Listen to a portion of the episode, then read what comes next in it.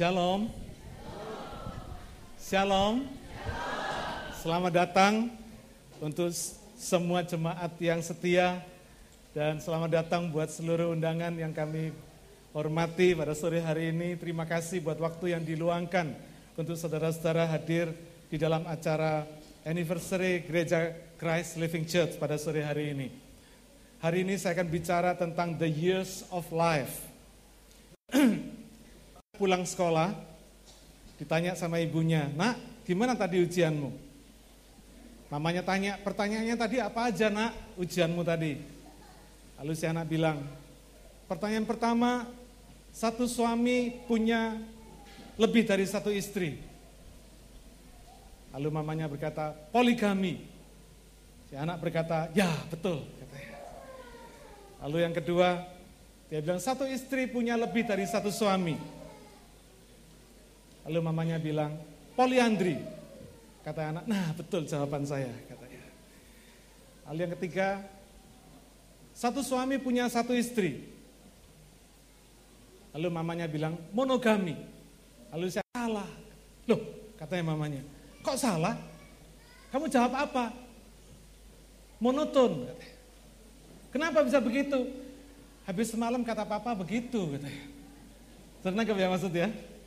Mamanya langsung teriak, mana papamu suruh ke sini katanya. Saudara. saudara ada banyak orang berpikir bahwa hidup ini monoton. Ya, ada orang yang berkata hidup ini monoton, nggak ada seninya. Dari pagi sampai malam ya begitu aja. Bangun pagi, kerja, habis kerja pulang, capek tidur, bangun lagi, Begitu seterusnya, hidup ini monoton. Setelah saya mau kasih tahu, hidup kita cuma sekali. Mari kita buat supaya tidak monoton. Amin. Hidup ini bukan sekedar menghabiskan waktu di dunia ini. Tujuan Allah yang kekal. Nah bagaimana membuat hidup ini tidak monoton dan mencapai tujuan yang kekal dari Tuhan. Ya, Mari kita buka 1 Yohanes 5 ayat yang ke-20. Kita akan baca sama-sama dari 1 Yohanes 5 ayat yang ke-20. Akan tetapi kita tahu bahwa anak Allah telah datang dan telah mengaruniakan pengertian kepada kita supaya kita mengenal yang benar dan kita ada di dalam yang benar. Di dalam anaknya Yesus Kristus, dia adalah Allah yang benar dan hidup yang kekal. Saudara kita percaya kita orang yang percaya kepada Yesus adalah orang yang paling beruntung di dunia ini. Kenapa saudara? Karena kita tahu bahwa Yesus datang untuk memberikan pengertian kepada kita. Pengertian tentang apa? Yang pertama pengertian untuk mengenal Allah yang benar. Saudara hidup yang berarti ini sesungguhnya dimulai ketika kita mengenal Allah yang benar ini. Karena hidup kita ini diberikan dan diciptakan oleh Allah yang benar ini. Jadi kalau saudara dan saya ingin punya hidup yang tidak monoton dan bahagia selamanya, bukan hanya di dunia ini saja, tapi sampai kekal, maka tidak ada jalan lain selain mengenal Allah Sang Pencipta kehidupan ini. Amin.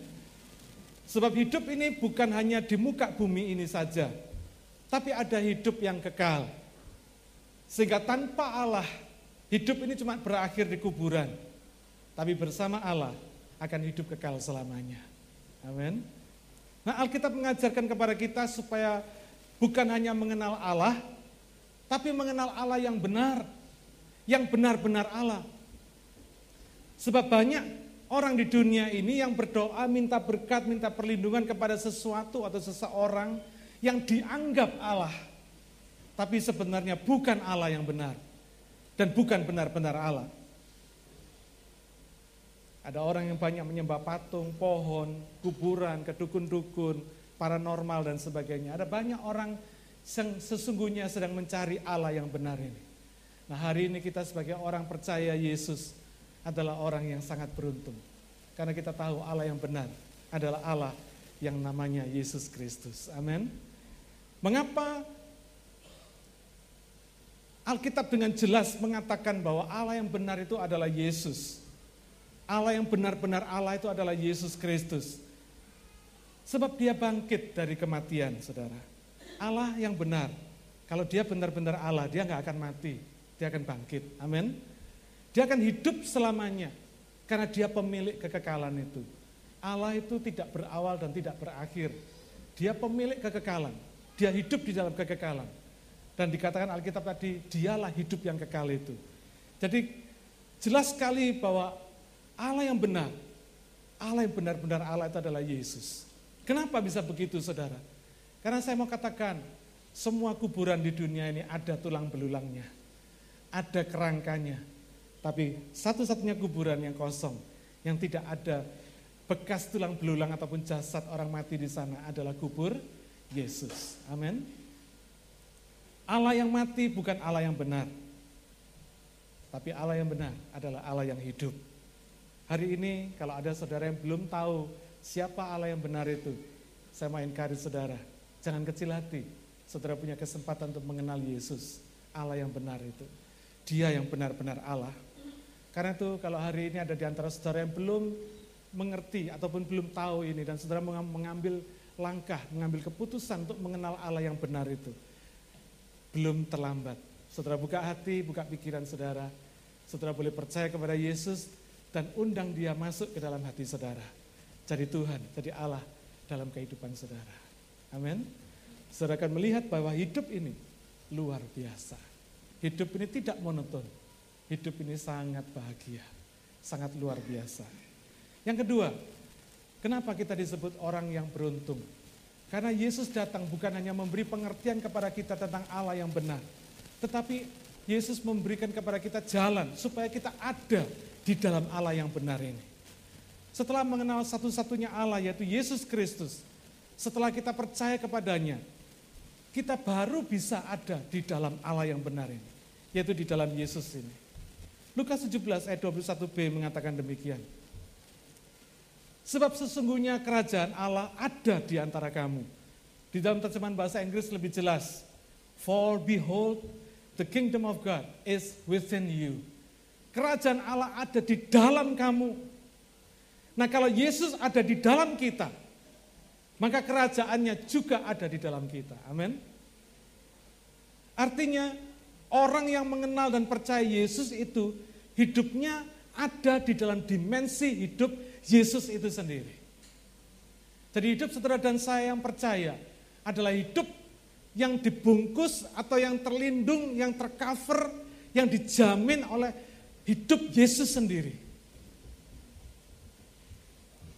Apa yang Yesus punya, kita punya. Apa yang Tuhan Yesus bisa lakukan, kita bisa lakukan. Kenapa? Bukan karena kita hebat, tetapi karena Yesus ada di dalam kita. Yang pertama kita ada di dalam kuasanya. 1 Korintus 4 ayat yang ke-20 mengatakan sebab kerajaan Allah bukan terdiri dari perkataan, tetapi dari kuasa. Saudara dari kecil kita ini sering kali diajar untuk mengerti atau mengenal conscious of lack. Kesadaran akan kekurangan. Ya, mulai dari kecil kita kan sering kali begini. Matiin lampu. Listrik mahal. Gaji papa nggak cukup nanti buat bayar listrik. Gitu ya. Jangan lupa matiin lampu. Makan harus habis. Jangan ada yang disisakan. Karena di luar sana ada banyak orang yang nggak bisa makan. Jadi kalau kamu makan, kamu mesti makan dengan habis, dengan baik. Sayang kalau nggak dihabisin. Seringkali kita dengar dokter berkata, wah kalau penyakit ini saya bisa sembuh. Kalau penyakit itu nggak bisa sembuh. Saudara ini yang disebut sebagai conscious of lack. Kesadaran akan kekurangan, kesadaran akan sesuatu yang negatif, sesuatu yang yang tidak bisa kita lampaui. Ya. Nah saudara bayangkan sekarang dengan Yesus. Ketika dia diberi lima roti dan dua ikan dari seorang Buddha, dari seorang anak kecil. Makan siangnya untuk diberikan kepada Yesus, untuk memberi makan orang banyak. Yesus tidak lihat lima roti dan dua ikan lalu berkata, wah, tidak cukup ini. Orang segini banyak masa dikasih makan lima roti sama dua ikan. Nggak cukup ini. Saudara kalau kita conscious of life, kita kan berkata seperti itu. Kenapa? Ya memang dasarnya faktanya ya nggak cukup kok. Nggak mengada-ada, memang nggak cukup. Tapi Yesus tidak berkata begitu. Dia mengucap syukur kepada Bapa. Dia tidak terpengaruh dengan fakta alamiah seperti itu. Dan hasilnya apa? Lima roti dua ikan. Buat kasih makan lima ribu orang laki-laki. Belum termasuk wanita dan anak-anak. Luar biasa enggak? Saudara, fakta alamiah tidak akan pernah bisa mengalahkan fakta rohaniah. Apa yang tiap hari kita lihat, apa yang tiap hari kita dengar, apa yang tiap hari kita bisa tangkap dengan panca indera kita itu adalah fakta alamiah. Bukan berarti kita berkata, oh itu tidak ada. Bukan berarti kita berpura-pura, oh tidak ada. Itu ada, itu terjadi, itu benar. Memangnya begitu faktanya.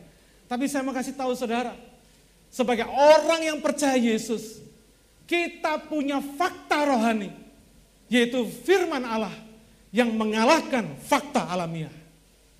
Fakta rohania ini yang tidak pernah bisa dikalahkan oleh fakta alamiah. Karena itu hari ini kalau kita percaya Yesus, maka sesungguhnya kita ini orang-orang yang beruntung. Kenapa? Karena meskipun kita bisa mengalami fakta alamiah ini, tapi kita punya fakta rohani, yaitu firman Allah, janji Tuhan, yang tidak pernah terbatas, tidak pernah kalah dengan fakta alamiah. Amin. Apa yang terjadi dalam hidup kita melampaui apa yang terjadi di dalam dunia yang natural ini, yang alamiah yang terjadi dalam hidup kita. Bersama iman, dengan iman kita mampu hidup mengalahkan fakta alamiah ini. Untuk hidup di dalam fakta rohania. Keputusannya tergantung saudara. Pada sore hari apakah saudara mau menyerah dengan fakta alamiah itu?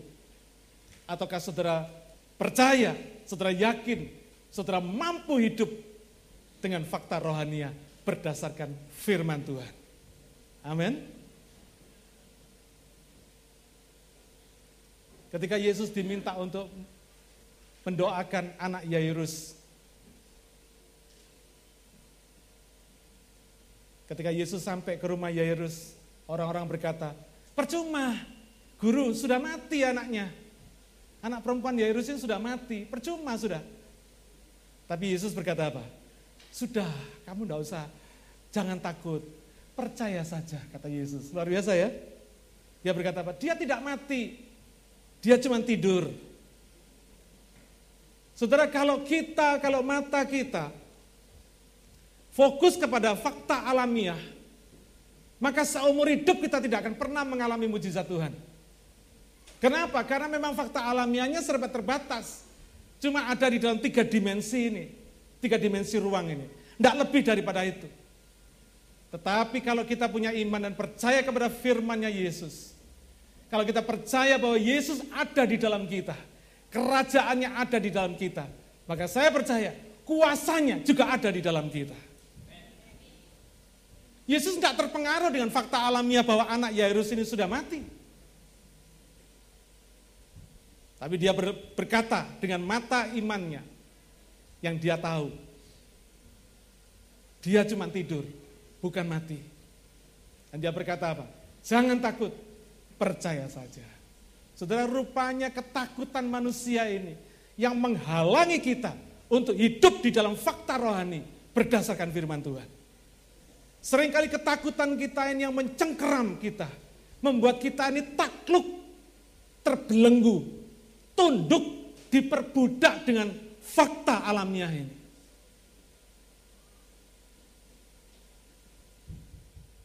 Sehingga tidak ada bedanya sebagai orang percaya kita hidup persis sama seperti orang tidak percaya. Yang juga sama-sama tertekan, sama-sama terbelenggu, sama-sama tunduk dengan fakta alamiah ini. Tapi saya percaya kepada Yesus yang mau mempercayakan hidupnya dengan iman kepada Yesus, dia tidak akan pernah terpengaruh dengan fakta alamiah, tapi dia bisa hidup di atas fakta alamiah karena dia hidup berdasarkan fakta rohani. Firman Tuhan, janji firman Tuhan yang sudah diberikan kepada kita semua. Singkat cerita, Yesus berdoa untuk anak ini, anak Yairus yang sudah mati, bangkit kembali, hidup kembali.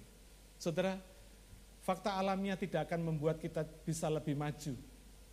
Tapi fakta rohania akan membuat kita hidup mengalami kedahsyatan kuasa Allah yang ada di dalam kita oleh karena Yesus ada di dalam kita. Tanpa Yesus kita nothing. Without Jesus we are nothing.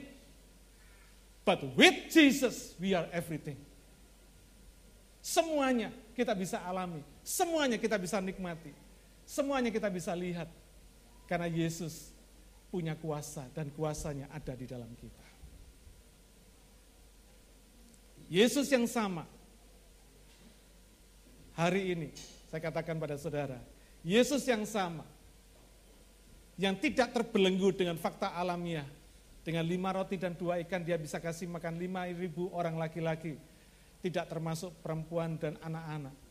Yesus yang sama yang membangkitkan Yairus, uh, anak Yairus dari kematian. Yesus yang sama hari ini ada di dalam hati saudara dan saya. Kita yang percaya maka saya percaya kuasa yang sama, kuasa yang diberikan kepada Yesus untuk melakukan mujizat-mujizat yang besar dalam kehidupannya. Maka kuasa yang sama ada di dalam hidup saudara dan saya. Karena Yesus yang sama ada di dalam kita, orang yang percaya. Amin. Siapa yang percaya? Praise God, praise God, haleluya, haleluya. Saudara, Yesus mau supaya kita mengikuti teladannya. Tidak concern kepada apa yang negatif, tidak conscious of lack, but conscious of abundant. Bukan kesadaran akan kekurangan yang menjadi fokus hidup kita. Tapi kesadaran akan kelih itulah yang harusnya menjadi fokus kita. Anak-anak Tuhan, orang yang percaya. Amin. Bukan conscious of lack, tapi conscious of abundant. Kesadaran hidup yang penuh kelimpahan. Yohanes 10 ayat 10 berkata, aku datang untuk membawa hidup, hidup yang berkelimpahan. Saudara, anak-anak Tuhan, orang-orang percaya tidak didesain untuk hidup serba cukup, enggak. Apalagi kekurangan, enggak. Anak-anak Tuhan, orang percaya, didesain untuk hidup dengan berkelimpahan. Hidup saudara bukan pas-pasan, pas foto, pas ada, enggak. Tapi hidup kita anak-anak Tuhan didesain untuk hidup dengan berkelimpahan. Supaya apa? Kita bisa jadi berkat bagi banyak orang. Amin. Hidup kita bukan untuk diri kita sendiri, tapi hidup kita untuk banyak orang, untuk jadi berkat banyak orang. Saudara percaya enggak? Kalau orang yang hidup untuk dirinya sendiri itu akan lama-lama akan lonely, akan kesepian. Tapi kalau sudah hidup untuk banyak orang, menjadi berkat bagi banyak orang, maka itulah hidup yang paling berbahagia. Amin. Siapa yang pernah merasakan ketika saudara memberi, saudara lebih berbahagia daripada orang yang diberi? Amin. Siapa yang merasakan itu? Yes, praise God. Saudara, itulah sebetulnya yang Tuhan mau supaya kita hidup. Hidup kita di dunia ini bukan cuma sekedar ngabisin waktu, bukan saudara. Tapi betul-betul memiliki hidup yang berbahagia, hidup kekal. Orang yang percaya Yesus maka hidup adalah bagian dari kehidupan kekal itu hidup yang kekal sudah saudara miliki hari ini ketika saudara percaya kepada Yesus. Kita Yesus tidak mau kita tertipu dengan fakta alamiah, dengan sesuatu yang cuma kita bisa tangkap dengan panca indera kita ini. Tapi Yesus mau supaya kita percaya pada kuasa kerajaan Allah yang ada di dalam kita berdasarkan iman kita. Amin. Kalau cuma sesuatu yang bisa saudara tangkap dengan panca indera, saudara nggak butuh iman, saudara. Karena panca indera saudara dengan hikmat akal budi saudara, saudara mampu mengatasi sesuatu yang saudara bisa tangkap dengan panca indera saudara. Tapi sesuatu yang ketika panca indera saudara berkata, wah aku tidak mampu lagi berpikir, aku tidak mampu lagi merasakan, aku tidak mampu lagi menjamin apa yang bisa aku kerjakan. Ketika itu butuh iman. Dan ketika iman saudara bekerja, bekerja hidup saudara akan penuh dengan mujizat. Hidup saudara akan penuh dengan hal-hal yang besar, yang luar biasa. Amin. Haleluya. Yang kedua, kita ada di dalam rencana keselamatannya. Kalau tadi yang pertama kita ada di dalam kuasanya. Karena Yesus ada di dalam kita, maka kita ada di dalam kuasanya. Yang kedua, kita ada di dalam rencana keselamatannya. Yohanes 20 ayat 21 sampai 23. Yohanes 20 ayat 21 sampai 23 mengatakan demikian. Maka kata Yesus sekali lagi, damai sejahtera bagi kamu, sama seperti Bapak mengutus aku. Demikian juga sekarang aku mengutus kamu. Dan sesudah berkata demikian, ia mengembusi mereka dan berkata, Terimalah roh kudus, jikalau kamu mengampuni dosa orang, dosanya diampuni. Dan jikalau kamu menyatakan dosa orang tetap ada, dosanya tetap ada. Luar biasa saudara. Alkitab nggak berkata, kamu akan mirip sama Yesus. Tidak, tapi Alkitab pakai kata apa? Sama. Sama seperti Bapak mengutus Yesus, demikian juga Yesus mengutus gerejanya mengutus saudara dan saya untuk membawa kabar baik keselamatan bagi dunia ini. Ini yang disebut sebagai rencana keselamatan Allah bagi dunia ini.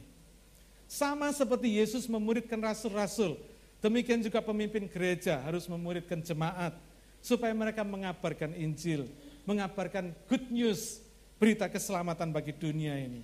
Ini adalah panggilan kita, panggilan saudara dan saya, panggilan gereja Tuhan pada masa kini untuk ikut serta di dalam rencana keselamatannya bagi dunia ini. Saudara, salah satu hal kenapa kita tidak bisa mengalami kuasa Yesus. Karena rencana keselamatannya tidak kita lakukan. Janji kuasa yang Yesus berikan, integrated, terpadu dengan rencana keselamatannya bagi dunia ini. Kuasa Yesus, kuasa kerajaan Allah yang luar biasa itu. Tidak bisa dilepaskan dengan rencana keselamatannya untuk hidup saudara dan saya. Nangkep gak saudara? Karena rencana keselamatan dalam hidup saudara dan saya itu besar luar biasa. Maka Tuhan backup dengan kuasa yang luar biasa ini. Karena itu ketika saudara dan saya percaya Yesus, Yesus bukan menunggu di sorga nun jauh di sana, tidak. Tapi Yesus ada di dalam kita Yesus masuk di dalam hati kita, masuk di dalam kehidupan kita. Dan untuk supaya Yesus bisa me, me, menyempurnakan rencana keselamatannya dalam hidup saudara dan saya, maka dia berikan kuasa yang luar biasa itu di dalam kehidupan kita. Nangkep enggak saudara? Yesus tidak pernah terpisah dengan kuasanya. Dan Yesus tidak pernah terpisah juga dengan rencana keselamatannya. Ini kan antara jemaat masa kini dengan jemaat mula-mula. Mengapa jemaat mula-mula begitu mudahnya mengalami kuasa Allah di dalam kehidupan mereka? Jemaat masa kini rasanya susah banget ngalamin mujizat, ngalamin kuasa Allah dalam kehidupannya. Ini yang membedakan. Jemaat mula-mula bukan hanya percaya Yesus, tapi ambil bagian, masuk dalam rencana keselamatannya bagi dunia ini. Tapi jemaat masa kini kita cuma maunya berkatnya Yesus, tapi nggak mau masuk dalam rencana keselamatannya. Orang Kristen paling susah diajak cari jiwa, saudara. Diajak masuk ke medan, ke ladang misi paling susah. Paling nggak mau. Jemaat mula-mula mau dimuridkan. Jemaat masa kini mau dimanjakan. Jemaat mula-mula giat mengabarkan Injil. Jemaat, man, jemaat masa kini giat mengabarkan gosip. Ini yang membedakan. Kenapa jemaat mula-mula begitu mudahnya mengalami kuasa Tuhan. Jemaat masa kini rasanya susah banget gitu ya.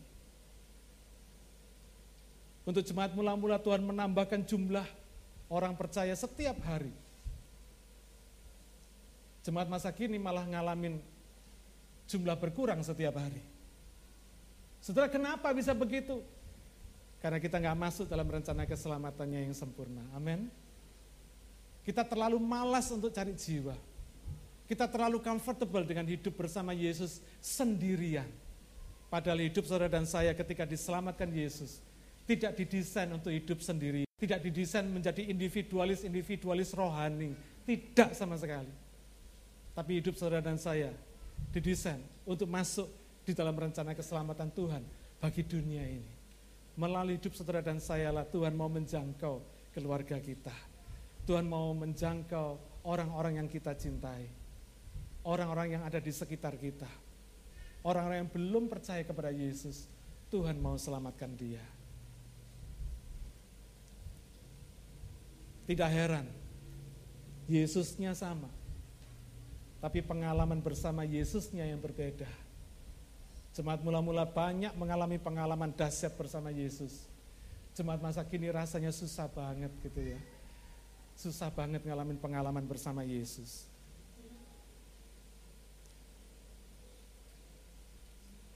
Yeremia 1 ayat yang kelima.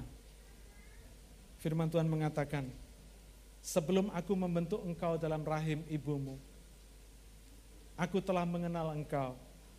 Dan sebelum engkau keluar dari kandungan, aku telah menguduskan engkau. Aku telah menetapkan engkau menjadi nabi bagi bangsa-bangsa. Saudara, kalau Tuhan menetapkan Yeremia sebagai nabi, pertanyaan saya pada hari ini, Tuhan menetapkan saudara sebagai apa?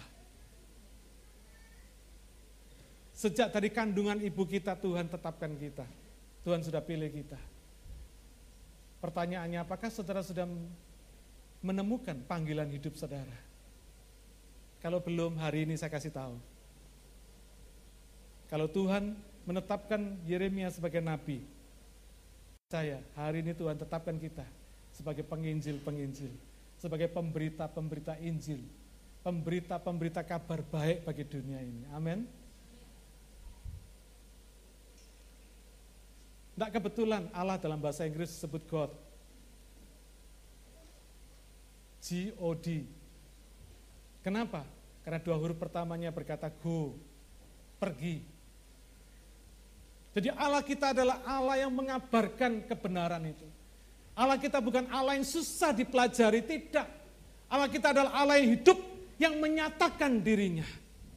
Yang memanifestasikan kuasanya yang memberitakan siapa dirinya. Allah yang benar itu. Dialah yang menyampaikan kebenaran itu. Dialah yang membawa kita kepada jalan kebenaran dan hidup itu. Dia adalah Allah, God, yang go, yang pergi, memberitakan kebenaran itu. Yang pergi menyatakan dirinya. Yang pergi menjangkau jiwa-jiwa yang belum diselamatkan. Inilah ciri murid Yesus.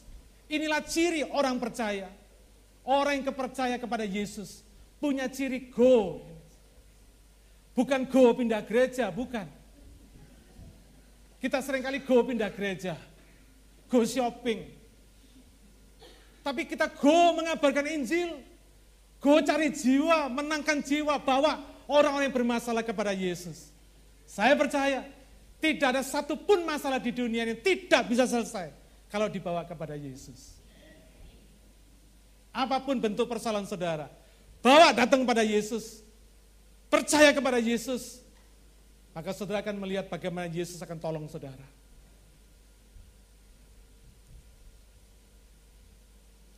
Roma 14 ayat 17 berkata demikian. Sebab kerajaan Allah bukanlah soal makanan dan minuman, tetapi soal kebenaran, damai sejahtera, dan sukacita oleh Roh Kudus. Saudara, sesungguhnya murid-murid Tuhan Yesus adalah murid-murid orang-orang yang direncanakan Allah untuk hidup menjadi penginjil-penginjil bagi Tuhan. Untuk hidup memberitakan kebenaran firman Tuhan. Hidup memberitakan kabar baik untuk dunia ini. Supaya jiwa-jiwa diselamatkan. Mulai dari hari Senin sampai Senin lagi. Sesungguhnya saudara dan saya adalah penginjil-penginjil di dalam bidang kita masing-masing. Amin. Di dalam setiap profesi saudara, sebagai ibu rumah tangga, sebagai keluar apa ayah, kepala keluarga, sebagai pekerja, sebagai uh, hamba-hamba Tuhan yang melayani Tuhan sepenuh waktu dan sebagainya. Dari Senin sampai Senin lagi, maka sesungguhnya kita ini adalah pemberita-pemberita kebenaran Tuhan pemberita-pemberita firman Tuhan, pemberita kabar baik. Roma 14 ayat 17 tadi mengatakan kerajaan Allah bukan soal makanan dan minuman. Kalau saudara dan saya hanya bekerja tiap hari Senin sampai Minggu, Minggu sampai Senin lagi, hanya bekerja untuk cari makanan dan cari minuman, cari duit saja, maka saya mau kasih tahu saudara, hidup kita tidak akan pernah beda sama orang dunia. Karena mereka pun juga melakukan hal yang sama. Mereka bekerja untuk cari makan, cari minum, cari duit, betul? Gak ada bedanya. Tetapi kalau kita anak Tuhan, orang yang percaya, kita bekerja, kita melakukan tugas dan kewajiban kita tiap hari. Bukan untuk sekedar cari makan, cari minum, cari duit. Tetapi kita sadari itu sebagai panggilan untuk masuk dalam rencana keselamatan Allah ini. Maka saya percaya, hidup kita akan penuh dengan damai sejahtera dan sukacita oleh roh kudus. Amin. Seberapapun banyaknya duit yang saudara terima, yang duit saudara sudah dapatkan dari saudara bekerja, kalau cuma motivasi kerja saudara. Hanya cuma cari duit, cari makan untuk cari minum saja. Cari penghasilan kehidupan ini, maka lambat laun saudara pasti boring. Pasti bosen, pasti saudara akan jenuh, betul enggak? Ada banyak orang yang sudah kaya raya, hidupnya tidak berkekurangan, bahkan uangnya tidak habis dimakan 70 turunan. Tapi mereka merasakan hidup ini membosankan saudara. Bahkan banyak yang bunuh diri saudara. Karena mereka menyadari kita yang mungkin belum punya uang seperti mereka. Kita berkata, mungkin kita mimpi, wah kalau saya bisa punya duit seperti konglomerat A, konglomerat B, wah saya bakal akan berbahagia. Belum tentu saudara. Belum tentu. Kenapa? Karena hidup ini bukan cuma sekedar cari makan, minum, cari duit. Bukan saudara. Alkitab mengatakan kerajaan Allah bukan soal makanan minuman. Bukan soal cari duit, tapi soal damai sejahtera dan sukacita oleh Roh Kudus. Ketika saudara dan saya tahu panggilan ini, sebagai penginjil-penginjil tiap hari yang ada di dalam profesi saudara masing-masing, maka percayalah, ketika saudara bekerja, saudara bukan hanya dapat duit, tapi dapat damai sejahtera dan sukacita oleh Roh Kudus ini. Ketika saudara dapat berkat, saudara mampu menikmati berkat saudara. Saudara bisa bersuka cita, saudara bisa bersyukur kepada Tuhan, saudara bisa berbahagia. Duit tidak akan pernah bisa bikin saudara berbahagia. Duit bisa mencukupi kebutuhan saudara, ya. Tapi duit tidak pernah bisa bikin orang bahagia. Mungkin bahagia sementara, bisa. Tapi tidak ada damai sejahtera dan sukacita yang kekal. Amin. Ketika saudara beli mobil baru, saudara bersuka cita karena saudara punya mobil baru, saudara menikmatinya, betul? Tapi ketika satu tahun kemudian, dua tahun kemudian, tiga tahun kemudian, saudara akan naik, menaiki mobil saudara dengan biasa, saudara, betul? Itu buktinya bahwa duit, harta dunia ini tidak akan pernah bisa membuat kita hidup dengan luar biasa semula luar biasa, lama-lama biasa. Tapi kalau saudara melakukan pekerjaan saudara, saudara ada di marketplace sana, saudara ada di dunia kerja saudara, apa pun profesi saudara hari ini, saudara mengerjakan pekerjaan saudara dengan tahu panggilan saudara untuk masuk dalam rencana keselamatan Allah bagi dunia ini. Saya percaya saudara adalah orang yang paling berbahagia. Karena bukan hanya terima duit, tapi terima damai sejahtera dan sukacita oleh roh kudus. Tuhanlah yang bisa membuat kita berbahagia. Dalam dimensi kehidupan kerajaan Allah, kita tidak boleh cuma kerja untuk cari duit, tapi kita mesti masuk dalam rencana keselamatannya. Di situ ada jaminan, sukacita, dan damai sejahtera oleh karena roh kudus. Sesungguhnya kita adalah misionaris-misionaris yang dipanggil Tuhan di bidang profesi kita masing-masing untuk rencana keselamatannya bagi dunia ini. Saudara dan saya lebih dulu diselamatkan, maka kewajiban kita untuk jadi berkat bagi dunia ini, bagi orang-orang yang belum mengenal Tuhan. Kalau kita hanya bekerja untuk cari duit, untuk cari makan, minum, dan cari duit, cari penghasilan saja, maka kita nggak akan pernah mengalami perkara-perkara yang besar dari Tuhan. Tapi kalau kita masuk dalam panggilannya, Tuhan mengur, meng, mengurapi kita, memberikan hikmat kepada kita, sehingga kita mampu mengalami perkara-perkara yang besar. Keluaran 31 ayat 22 dan 3. Sudah perhatikan ayat-ayat ini luar biasa. Keluaran pasal 31 ayat yang kedua dan tiga berkata demikian. Lihat, telah kutunjuk Besalil bin Uri bin Hur dari suku Yehuda dan telah kupenuhi dia dengan roh Allah, dengan keahlian dan pengertian dan pengetahuan dalam segala macam pekerjaan. Ayat yang ketiga dalam bahasa Inggris dikatakan, I have filled him with the spirit of in wisdom and in understanding and in knowledge and in all manner of workmanship. Saudara, kalau Tuhan urapi kita, kalau kita masuk dalam rencana keselamatannya, Tuhan urapi kita dengan the spirit of God, dengan roh kudus. Tuhan berikan kita hikmat roh kudus. Tuhan berikan kepada kita keahlian. Tuhan berikan pengertian, pengetahuan, bahkan keterampilan di dalam apa yang saudara kerjakan.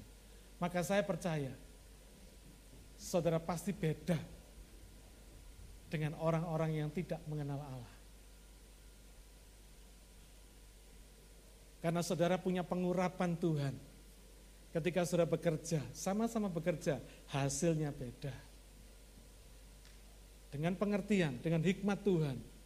Orang lain kerja mungkin butuh waktu tiga jam saudara butuh waktu satu jam.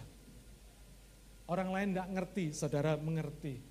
Saudara orang lain tidak tahu, saudara diberi pengetahuan oleh Tuhan. Diberi hikmat Tuhan. Sehingga saudara akan mengerjakan sesuatu dengan berbeda dalam pekerjaan saudara. Orang bisa melihat saudara berbeda. Attitude saudara, sikap saudara dalam bekerja berbeda. Ketika orang lain bersungut-sungut, saudara penuh sukacita. Ketika orang lain ngomel karena gaji tidak naik, saudara akan tetap mengucap syukur kepada Tuhan. Karena Tuhan mencukupkan segala kebutuhan saudara. Amin. Beda saudara, beda. Karena beda ini. Karena sukacita dan damai sejahtera ini.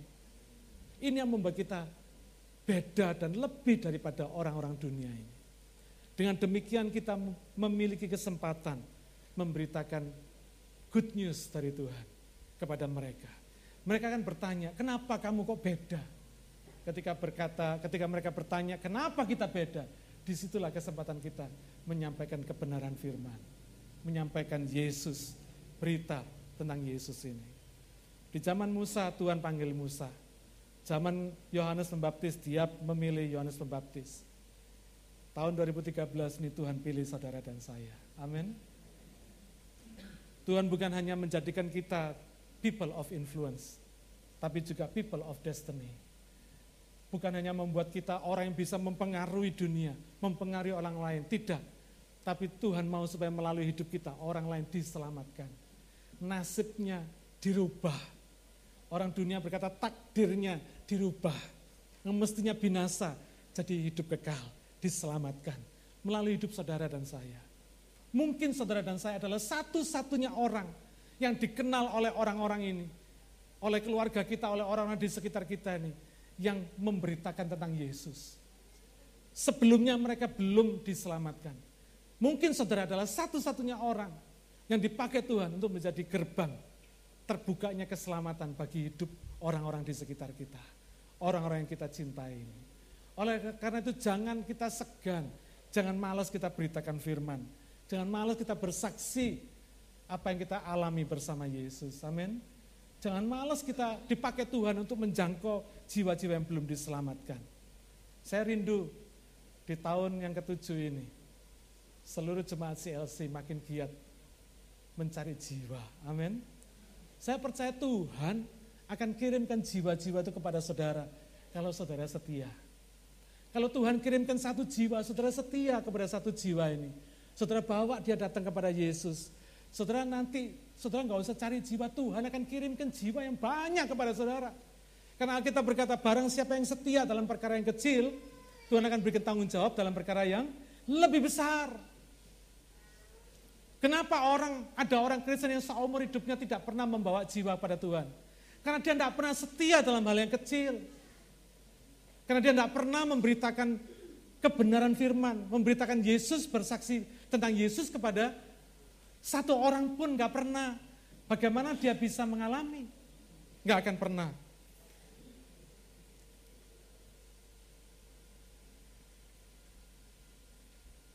Mungkin saudara dan saya adalah satu-satunya orang yang membuka pintu sorga buat orang lain. Supaya diselamatkan Tuhan. Amin. Tadi Alkitab berkata, Dosa siapa yang saudara ampuni, dosanya diampuni. Tapi kalau ada dosa yang tidak diampuni, dosanya juga tidak diampuni. Artinya Tuhan mau pakai saudara dan saya, orang-orang yang biasa ini, untuk jadi pintu gerbang Tuhan. Supaya Tuhan bisa selamatkan orang lain. Amin. Hambatan yang paling besar ketika kita mau mengabarkan Injil, kita berkata begini, Tuhan saya ini tidak sempurna, saya ini banyak jeleknya daripada bagusnya, banyak bodohnya daripada pinternya. Banyak ngomelnya daripada fasilidahnya. Saya masih nggak sempurna, masih banyak salah, masih banyak dosa, masih banyak kekeliruannya. Jadi saya malu kalau mau memberitakan Injil, malu mau menyampaikan firman Tuhan, malu kalau mau bersaksi tentang Yesus. Karena apa? Tiap hari saya nggak ngalami Yesus. Saudara, Berhentilah kita melihat diri kita sendiri. Apa yang Tuhan rindukan untuk kita, sama seperti dia rindukan untuk murid-muridnya pada waktu itu. Petrus muridnya, dia seorang pemarah, emosional, ngomong dulu baru mikir belakangan. Itu Petrus, saudara. Emosional, dia tidak setia. Bahkan dalam waktu semalam dia menyangkal Yesus sampai tiga kali. Thomas, dia peragu, dia skeptik, suka bicaranya sinis. Dia bilang kalau aku nggak mencucukkan jariku ke lubang bekas paku dan bekas lambungnya, tombak di lambungnya, aku tidak akan percaya. Saudara, ini Thomas model kayak begini nih muridnya Yesus, saudara. Matius, pemungut cukai, orang yang terkenal Tukang pajak pinter manipulasi, ya kan saudara? Kalau suruh sipo pinter saudara. Hitung-hitungannya mantap sekali. Bahkan yang minus dibikin plus, yang plus bisa dibikin minus sama dia saudara. Tujuannya apa? Supaya dia bisa menarik pajak sebanyak mungkin. Gaya Matius. Kalau boleh dikatakan pada zaman sekarang mungkin bisa disebut sebagai koruptor. Tapi apa yang dikatakan Yesus dalam Matius 5 ayat 14? Dikatakan kamu adalah terang dunia. Kota yang terletak di atas gunung tidak mungkin tersembunyi. Wah saudara, bayangin. Model murid seperti itu Tuhan katakan apa? Terang dunia. Coba saudara, lihat kiri kanan. Berani nggak saudara berkata, akulah terang dunia. Coba saudara. Coba saudara. Coba lihat. Berani nggak saudara berkata, akulah terang dunia. Yesus yang ngomong loh saudara. Engkau terang dunia. Kepada murid-murid yang model begini, Yesus berkata, kamulah terang dunia. Saya perkara, saya percaya Yesus yang sama, sore hari ini berkata kepada saudara dan saya, kamulah terang dunia.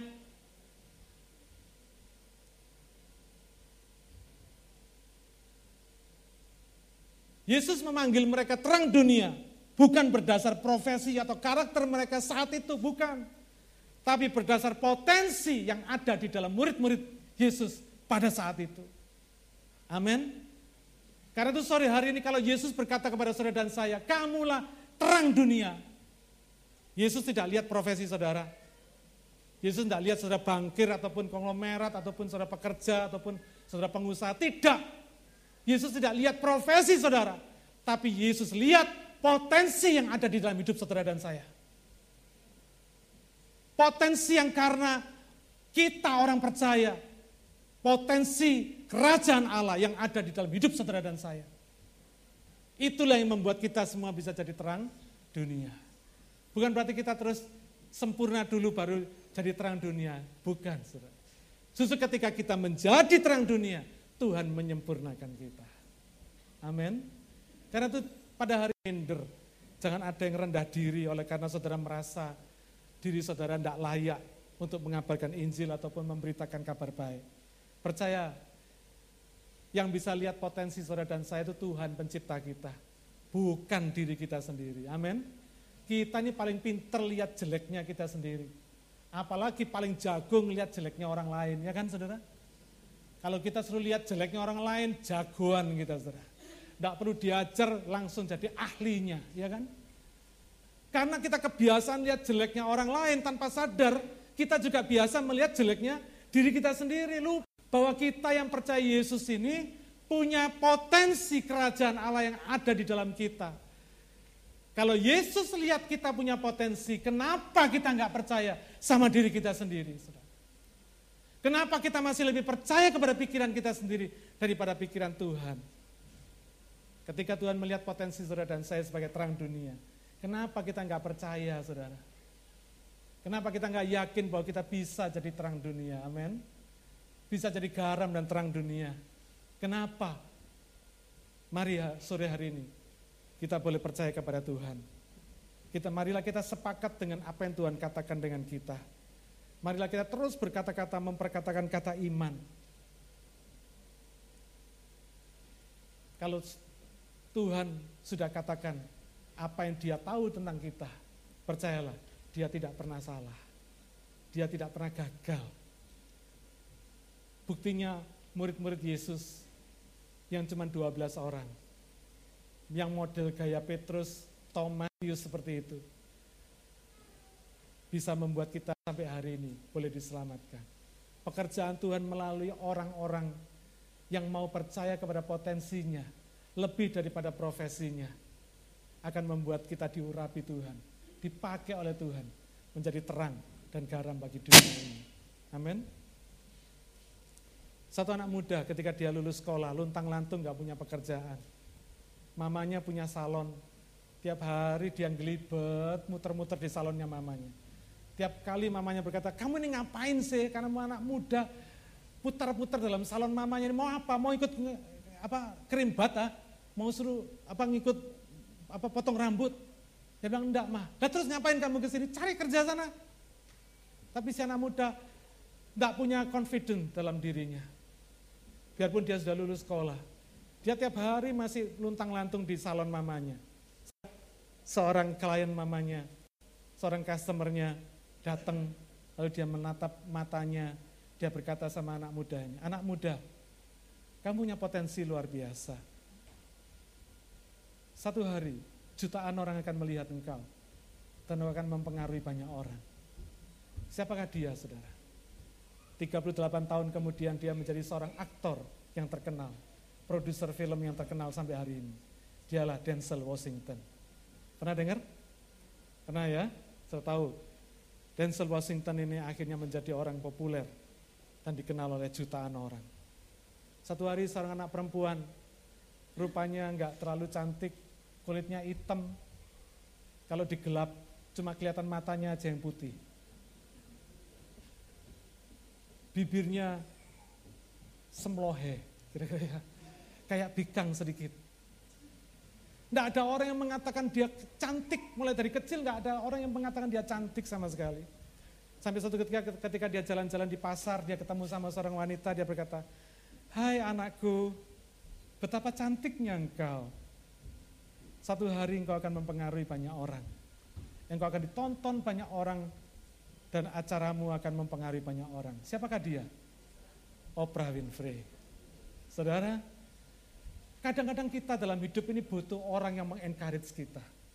Butuh orang yang dipakai Tuhan untuk mengencourage kita, untuk membuat kita ini percaya bahwa Tuhan itu pun melihat potensi hidup kita lebih daripada diri kita sendiri. Ketika Tuhan pakai orang untuk mengencourage saudara, biarlah saudara mau percaya. Dan Sel Washington maupun Oprah Winfrey dia percaya ketika orang-orang ini mengatakan itu kepada dia. Dia simpan dalam hatinya, dia percaya itu. Dan satu ketika, satu hari, apa yang dikatakan oleh orang-orang ini terjadi dalam hidupnya. Karena Tuhan yang menjadikannya. Amin. Saudara kalau kita ketika kita di-encourage orang jangan berkata, kita ini terus jadi rendah hati, oh enggak, enggak, enggak, enggak bisa saya. Ketika orang berkata, kamu pinter loh.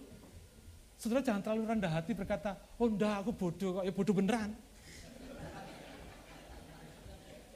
Kadang kita ini orang Indonesia ini terlalu rendah hati, saudara.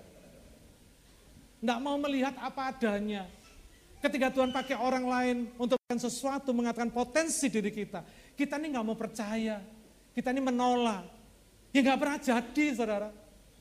Tapi ketika Tuhan pakai orang lain, ketika Tuhan pakai firmannya untuk mengencourage kita, kita cuma berkata, amin, jadilah sesuai apa yang jadi kehendak Tuhan atasku.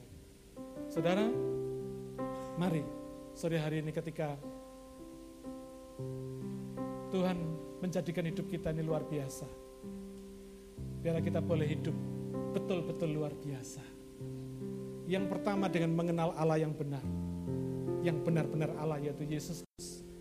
Yang kedua ada di dalam dia. Ada di dalam kuasanya. Ada di dalam rencana keselamatannya. Ada di dalam rencana kehidupannya untuk saudara dan saya dan untuk orang lain. Amin. Mari kita berdoa.